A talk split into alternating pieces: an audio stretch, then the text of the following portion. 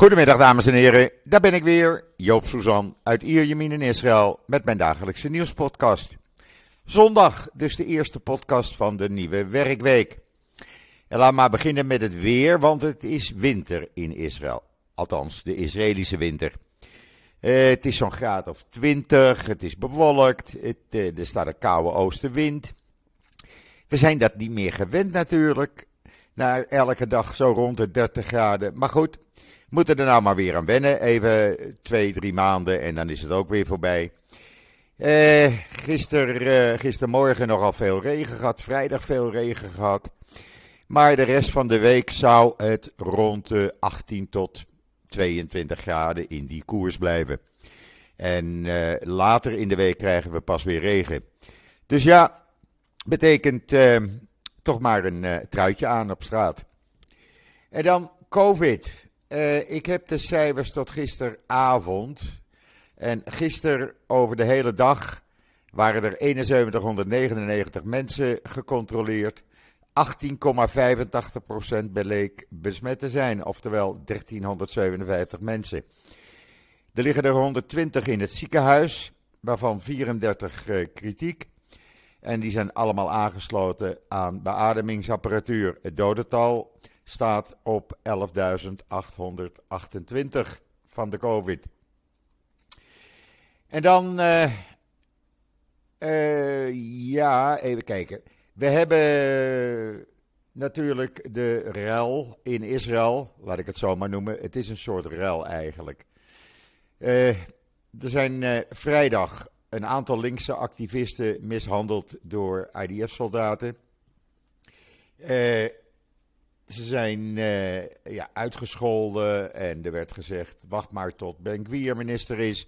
Dan zal die hier wel eens orde uh, op zaken stellen en dan komen jullie niet meer aan bod. Nou, dat is een hele rel geworden. De IDF heeft inmiddels uh, een vijftal soldaten geschorst. En die activisten zijn verhoord en die zijn weer teruggestuurd. Uh, er wordt ook een onderzoek door de openbare aanklager, de militaire openbare aanklager, gedaan. Om te kijken uh, of ze strafrechtelijk over de scheef zijn uh, gegaan. En dat is, ja, dat is toch wel een rel hier in Israël. En ik kreeg ook commentaar toen ik het bericht op Twitter zette gisteren. en social media. Want mensen zeggen ja, uh, die, uh, dat zijn linkse activisten en uh, dan moeten ze maar niet naar Gebron gaan en soldaten uitschelden of treiteren of wat dan ook. Maar er is één stelregel. De IDF is er om de Israëli te beschermen. Het hele Israëlische, het hele Joodse volk. En het maakt niet uit of je links bent of rechts bent eh, of weet ik veel wat bent. Je bent Israëli, je wordt beschermd door de IDF. Demonstreren is gelukkig een, uh, nog wel een, uh, een, vrij recht. En deze activisten, linkse activisten, ik keur het ook niet goed, maar die gingen demonstreren naar aanleiding van de rellen die verleden week in Gebron waren op zaterdag waarbij Joodse kolonisten Palestijnen in elkaar sloegen en spullen vernielden en, en uh, rellen uh, uitlokten. Nou, daar gingen ze nu uh, met Palestijnen praten. ja, als je die video's ziet, het klopt niet wat de soldaten deden. ook al zouden ze zijn uitgescholden, getreiterd of wat dan ook, je gaat niet een uh, linkse demonstrant of een demonstrant uh, in elkaar slaan, een Joodse demonstrant. Dat doe je niet. Dan doe je dat op een andere wijze. Uh, hoe dat gaat aflopen, zullen we wel zien.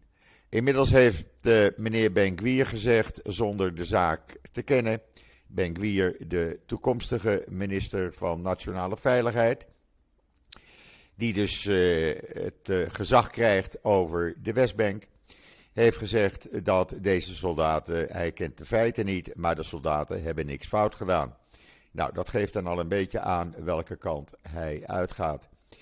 Uh, Avi Isgarov, de schrijver van Fauda, uh, die zei uh, in een column in de Hebreeuwse Jediot Agonot Uh, het maakt niet uit wat de reden is.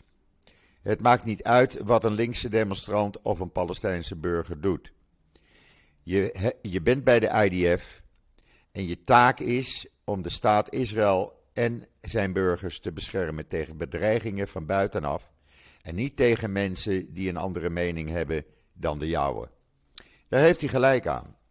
En dat is gewoon zo. En vandaar dat dit een hele rel is geworden. En vandaar dat nu plotseling mensen uh, wakker worden en zich uh, realiseren van wacht even, als meneer Benkwier straks het gezag over de Westbank krijgt, samen met meneer Smotrich, dan heeft hij daar een heel leger tot zijn beschikking. Een, uh, een 20.000 uh, politieagenten en grenswachten. Een speciale afdeling die nu onder de IDF is, die bedoeld is voor de Westbank. hij kan dus gewoon ja, opdrachten geven die grote problemen gaan geven. En daar begint opeens iedereen zich zorgen over te maken. Maar goed, het, het lijkt erop dat het al een beetje te laat is. Uh, we zullen zien hoe zich dat gaat, uh, ja, hoe zich dat gaat ontwikkelen de komende dagen. Ik kom zo meteen nog meer op politiek terug, want ja, er gebeuren nog veel meer rare dingen. Gisteren werd er een vermoedelijke pijpbom gevonden bij de Bridge of Strings. Die grote hangbrug als je vanuit Tel Aviv Jeruzalem binnenkomt. Achteraf bleek het toch geen pijpbom te zijn. Het leek erop. Uh, de omgeving was een tijdje afgesloten. De ingang tot Jeruzalem was een tijdje afgesloten. Ja, iedereen is een, on high alert vanwege de aanslagen in Jeruzalem afgelopen woensdag. Die aan een tweede persoon het leven heeft gekost. Een man die met zijn gezin 21 jaar geleden uit Ethiopië emigreerde, 50 jaar oud is aan zijn uh, verwondingen overleden. Men kon hem niet meer redden, helaas. Maar de familie heeft verzocht geen publiciteit. Inmiddels heeft de afgelopen nacht de IDF vijf terreurverdachten opgepakt in de Westbank.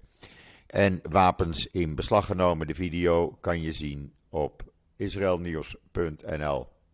Waar trouwens ook die video staat uh, van uh, die uh, soldaten die linkse activisten in elkaar sloegen.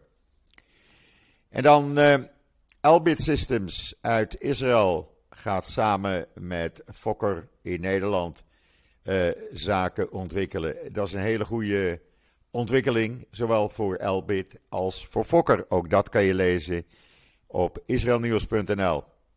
Waar je ook een video kan zien van het Iron Man Israël Midden-Oosten kampioenschap. Uh, wat afgelopen vrijdag rond het meer van Tiberias werd gehouden. Er waren 2500 deelnemers, 800, 800 uit het buitenland. Uit 58 verschillende landen, waaronder de Verenigde Arabische Emiraten, Bahrein, Marokko, Oekraïne, Duitsland, Engeland en Amerika. Ik weet niet of er ook Nederlanders aan meededen. Ik heb het niet, ben het niet tegengekomen. Het werd uh, gewonnen door een uh, Duitse en Britse atleet. En de video is gewoon erg leuk om te zien. Ga hem even kijken op israelnieuws.nl. En dan zijn er een aantal Israëlische uh, journalisten in Qatar. en die stuiten alleen maar op haat. Zodra ze willen interviewen en vragen van. En mensen vragen van waar komt u vandaan? En ze zeggen Israël, dan lopen ze weg. Ze worden uitgescholden, ze worden uitgejouwd. Op een gegeven ogenblik zijn ze gaan zeggen dat ze uit andere landen kwamen. Uruguay of Venezuela. Maar dat kregen ze snel door. En ja, ze worden allemaal onheus bejegend. Uh, het gekke is ook dat uh, uh, er waren de wedstrijd Tunesië tussen, dan moet ik even denken hoor, Tunesië tussen, nou ik weet niet meer welk land. Oh ja, hier heb ik hem. Er was een, een wedstrijd Tunesië met Australië. He, ik ben eruit hoor. En sport, ja, banners, het mag allemaal niet. Maar er wordt toch een uitgezondering gemaakt voor de Palestijnse vlag. En een enorme banner Free Palestine werd onthuld, ontvouwd in het stadion. En daar werd niets tegen gedaan. Dat mag gewoon. En als je ook ziet op die video's van die Israëlische journalisten, je kan het zien op de Engelstalige Wynet. Ja, het slaat natuurlijk nergens op. Als dat uh, sportverbroederd uh, betekent, nou ja. Nou heb ik het toch, uh, ja, ik weet niet, vrijdagavond Nederland. Ik vond ze maar zwakkies. Als Vergaal zegt wij worden kampioen. Nou, dan weet ik niet waarvan. Maar eh, ik, zie hem, ik zie Nederland geen kampioen worden van eh, dit eh, wereldkampioenschap in Qatar.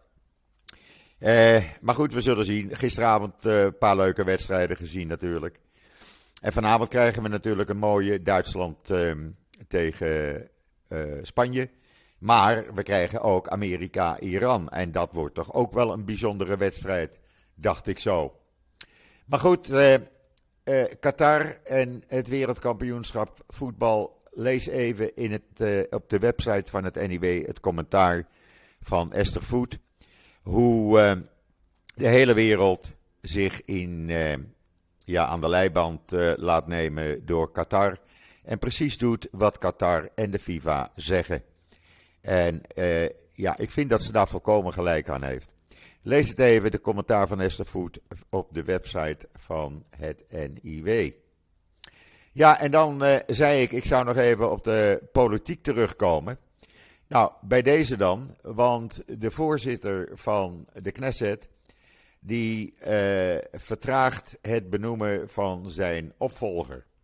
Daardoor heeft Netanyahu weer een groot probleem. Want die wil een uh, uh, opvolger benoemen. Om zo snel mogelijk, en dat moet in vier stemmingen gebeuren. Een aantal wetten te gaan veranderen. Jawel. Er moet ten eerste een wet veranderd worden. Waardoor de veroordeelde Shas, ultra-orthodoxe Shas-partijleider Aryeh Deri minister kan worden. Want meneer Deri was afgelopen januari opnieuw veroordeeld nu, na aanleiding van belastingfraude.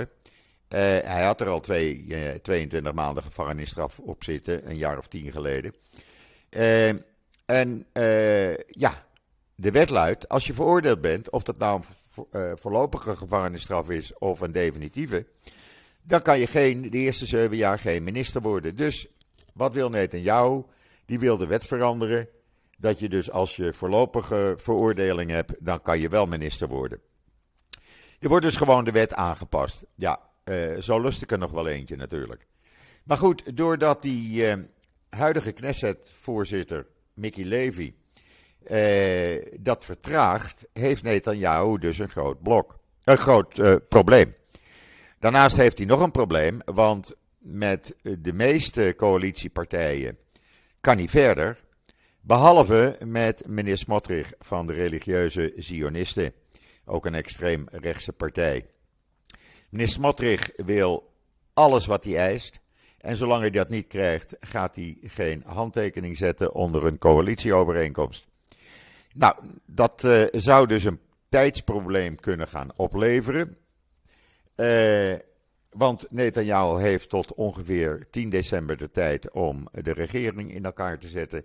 Daarna kan hij nog twee weken verlenging aanvragen als de president dat goedkeurt, want dat kan hij ook weigeren.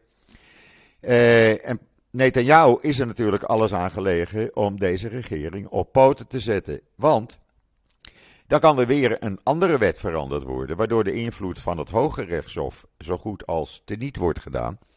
En ik heb het al vaker gezegd, Israël heeft geen grondwet, dus het Hoge Rechtshof toetst wetten. Maar dan gaat hij een andere wet laten veranderen uh, door een van de Knessetleden van zijn uh, coalitie.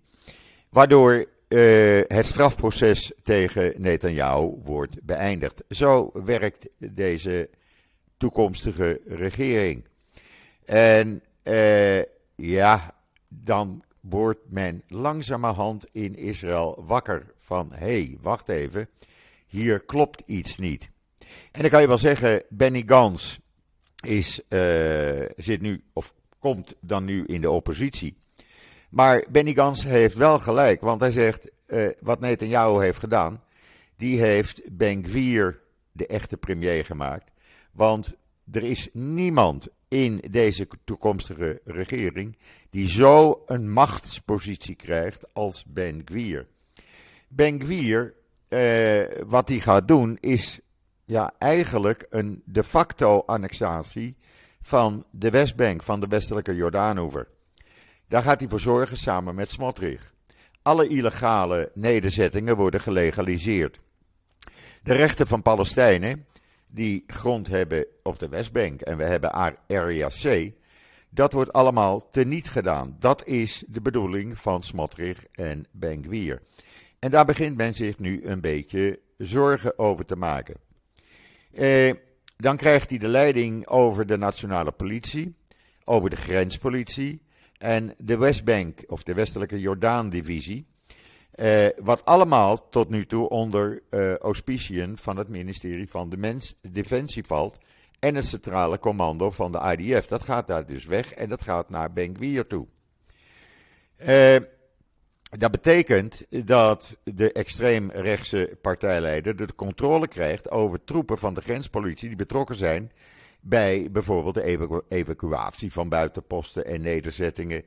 Eh, eh, het uit elkaar slaan van eh, groepen Palestijnen, et cetera, et cetera. Gans zei dus gisteren in een interview: het wordt in wezen een privéleger van Ben En dat is gevaarlijk en je zal zien, daar gaan fouten, beveiligingsfouten door uh, worden veroorzaakt.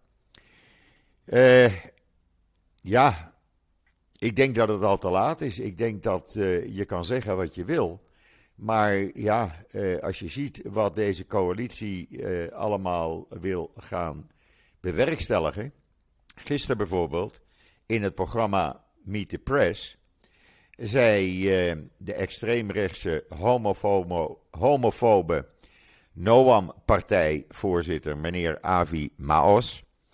Uh, en dat is een heel klein partijtje, maar die zit wel in de coalitie van Netanyahu, krijgt daar wel een bepaalde positie. Die zei, zodra uh, deze regering aan het werk gaat, het eerste wat we gaan doen is het sluiten van de legereenheid, legereenheid die belast is met het bevorderen van gelijke kansen voor vrouwen in het leger. Hoe vind je die? We gaan de klok gewoon weer tientallen jaren, 50 jaar terugzetten. Uh, ik wil niet dat de vrouwen in de IDF dienen, zegt hij. Uh, zoals hij ook tegen uh, gay mensen is. en zegt hij, we gaan, zodra we deze regering hebben gevormd, de Joodse identiteit van het land promoten. Nou, hij sluit zich dan aan bij de rabbijn, de geestelijk leider van de partij van meneer Smotrich, die een paar weken geleden in een interview heeft gezegd: Maakt me niet uit wat mensen binnenshuis doen. Buitenshuis moeten ze zich halachisch gaan, gaan gedragen. Dat betekent op Shabbat uh, geen auto meer rijden, geen kopje koffie op het strand. Uh, voorlopig blijft dit verhaal wordt vervolgd. Geloof mij maar, dit gaat van kwaad tot slecht. En vraagt iemand zich in de Jeruzalem Post vanmorgen af, en ik denk dat hij daar volkomen gelijk aan heeft. De FBI heeft een paar weken geleden aangekondigd dat ze de dood van die uh, Palestijns-Amerikaanse journaliste Shirin Abu Akleh gaan onderzoeken. Die in mei bij gevechten uh, tussen IDF en terroristen om het leven kwam. En deze schrijver, Steven Flatlow, Flatto, die vraagt zich af, als de IDF, of eh, de FBI de dood van die uh, journalisten gaat onderzoeken, dan zullen ze nu ook de dood of de, uh, het verwonden van een Amerikaanse burger bij de bomaanslagen in Jeruzalem moeten onderzoeken. Want dat staat op hetzelfde pijl. Ik denk dat hij daar volledig gelijk in heeft. Maar dat zal de IDF waarschijnlijk niet doen. Lees het in uh, Jeruzalem Post. Dan hebben vrijwilligers van de NGO SOS Pets Foundation 40 uh, eh, honden gered met hun puppies op een vervuild industrieterrein in de Arabische stad Sfaram in Noord-Israël. Die dieren werden heel zielig aan hun lot overgelaten. Je kan de video zien in de Engelstalige Ynet vandaag.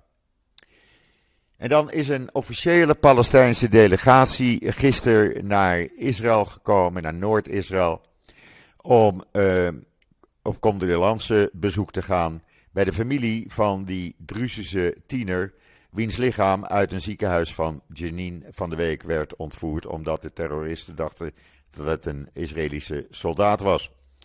Ze zijn naar uh, Daliat al-Karmel gegaan. Het was gecoördineerd met de Israëlische overheid. En uh, er waren Palestijnse ministers bij, uh, een adviseur voor religieuze en islamitische aangelegenheden van Abbas. En deze delegatie heeft, heeft rouwbeklag gedaan en excuses aangeboden aan deze familie. Ik vind dat keurig. Staat in de Times of Israel. Ja, en dan gisteravond, na afloop van de Shabbat, zouden de treinen weer gaan rijden. Nou, eh, ik zou haast zeggen, keer hem op van de treinen die gingen rijden. Nou, die reden dus niet. Want er was een nationale seinstoring. Het, is, het was geen cyberattack, dat werd er duidelijk bij gezegd. Hoefden we ons niet druk om te maken. Het was gewoon een computerstoring in uh, het hoofdsysteem door het hele land. Vanmorgen vroeg konden ze eindelijk weer rijden.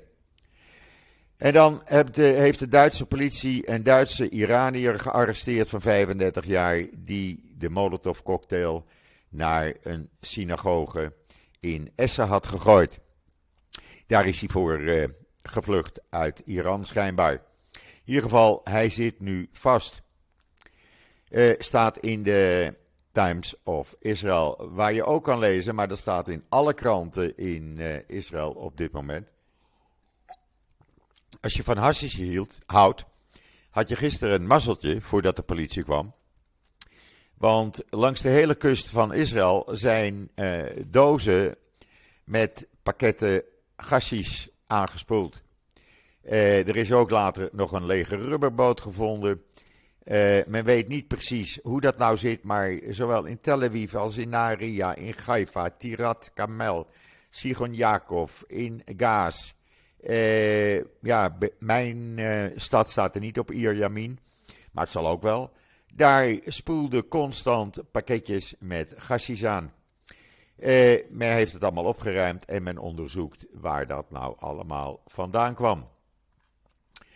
En dan Hamas is erg blij, omdat een 11-jarig Libanees meisje, een tafeltennisspeler, die meedoet aan, of meedeed eigenlijk aan de uh, kampioenschappen in Portugal, die heeft zaterdag geweigerd, 11 jaar oud, om uh, verder te spelen, want dan zou ze tegen een Israëlisch leeftijdgenootje moeten spelen.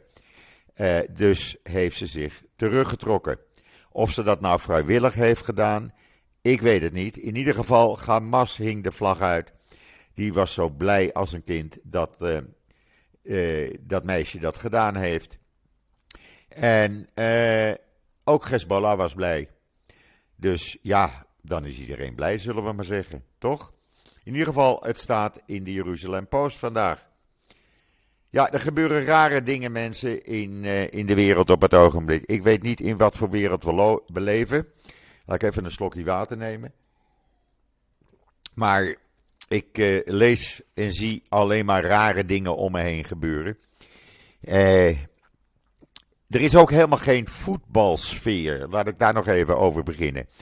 Uh, normaal wordt door de Nederlandse gemeenschap hier altijd een café afgehuurd. En dan zitten we met z'n allen in de kroeg naar de voetbal te kijken. Nou, dat gebeurt dus dit jaar eh, niet, dit kampioenschap. Ik denk dat het allemaal te maken heeft met Qatar. Maar goed, eh, ja, je kijkt toch maar naar die voetbal, eh, want het is natuurlijk leuk om de wedstrijden te zien. Maar echte sfeer, nee. Ik zit niet in mijn oranje t-shirtje. De kleinkinderen hebben geen oranje vlaggetjes. Uh, we kijken en uh, we nemen het waar. En dat is het eigenlijk. En dan hoop je maar dat Nederland toch nog redelijk presteert. Want als die dan ook nog afgaan, dan is er helemaal niets meer aan natuurlijk. En voor de rest, ja, houdt iedereen eh, toch wel nu de adem in hier in Israël. En is men eh, ja, langzaam aan het ontwaken van, realiseert men zich van wat hebben wij ons op de hals gehaald. Wat voor regering gaan we krijgen? Wat voor grote problemen krijgen we? En eh, nogmaals, ja, als dit een halagische staat gaat worden, een soort Iran, eh, waar je niet meer vrij bent om op zaterdag op de Shabbat te doen wat je wil, om niet je leven te leiden zoals je dat zou willen, waar extreem rechts het voor het zeggen gaat krijgen, waar wetten worden veranderd om iemand minister te laten worden, waar wetten worden veranderd om iemand uit de cel te houden. Ja, dan vraag ik me af welke kant Israël, dit prachtige land, welke kant het opgaat. Ik hoop dat men op tijd de rem erop zet. Dat hoop ik echt. Maar ik ben bang, ik ben bang dat het niet gebeurt. Ik blijf jullie hiervan op de hoogte houden, want het is, heeft ook te maken met mijn leven hier natuurlijk. En ja, wat ik doe is verslag doen van mijn leven hier. Welke kant het op gaat, we bekijken het, we kijken het aan. En ik doe er verslag van, elke dag weer opnieuw. Of het nou mooi of slecht nieuws is, ik blijf het doorgeven.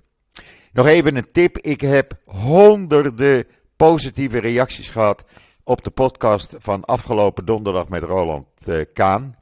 Heb je hem uh, nog niet beluisterd? Ga het even doen. Vanaf minuut 13 is Ronald aan het woord. En het is een geweldig gesprek geworden.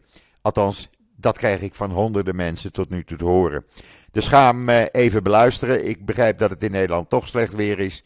Doe dat, dan heb je in ieder geval uh, iets te doen. Betekent dat ik nu aan het einde van uh, deze podcast ben. Uh, het is in Nederland slecht weer, dus ga lekker voetbal kijken, zou ik zeggen. ik wens iedereen een fijne voortzetting van deze zondag, de 26, 27 oktober. En ik ben er morgen weer en zeg zoals altijd: tot ziens, tot morgen.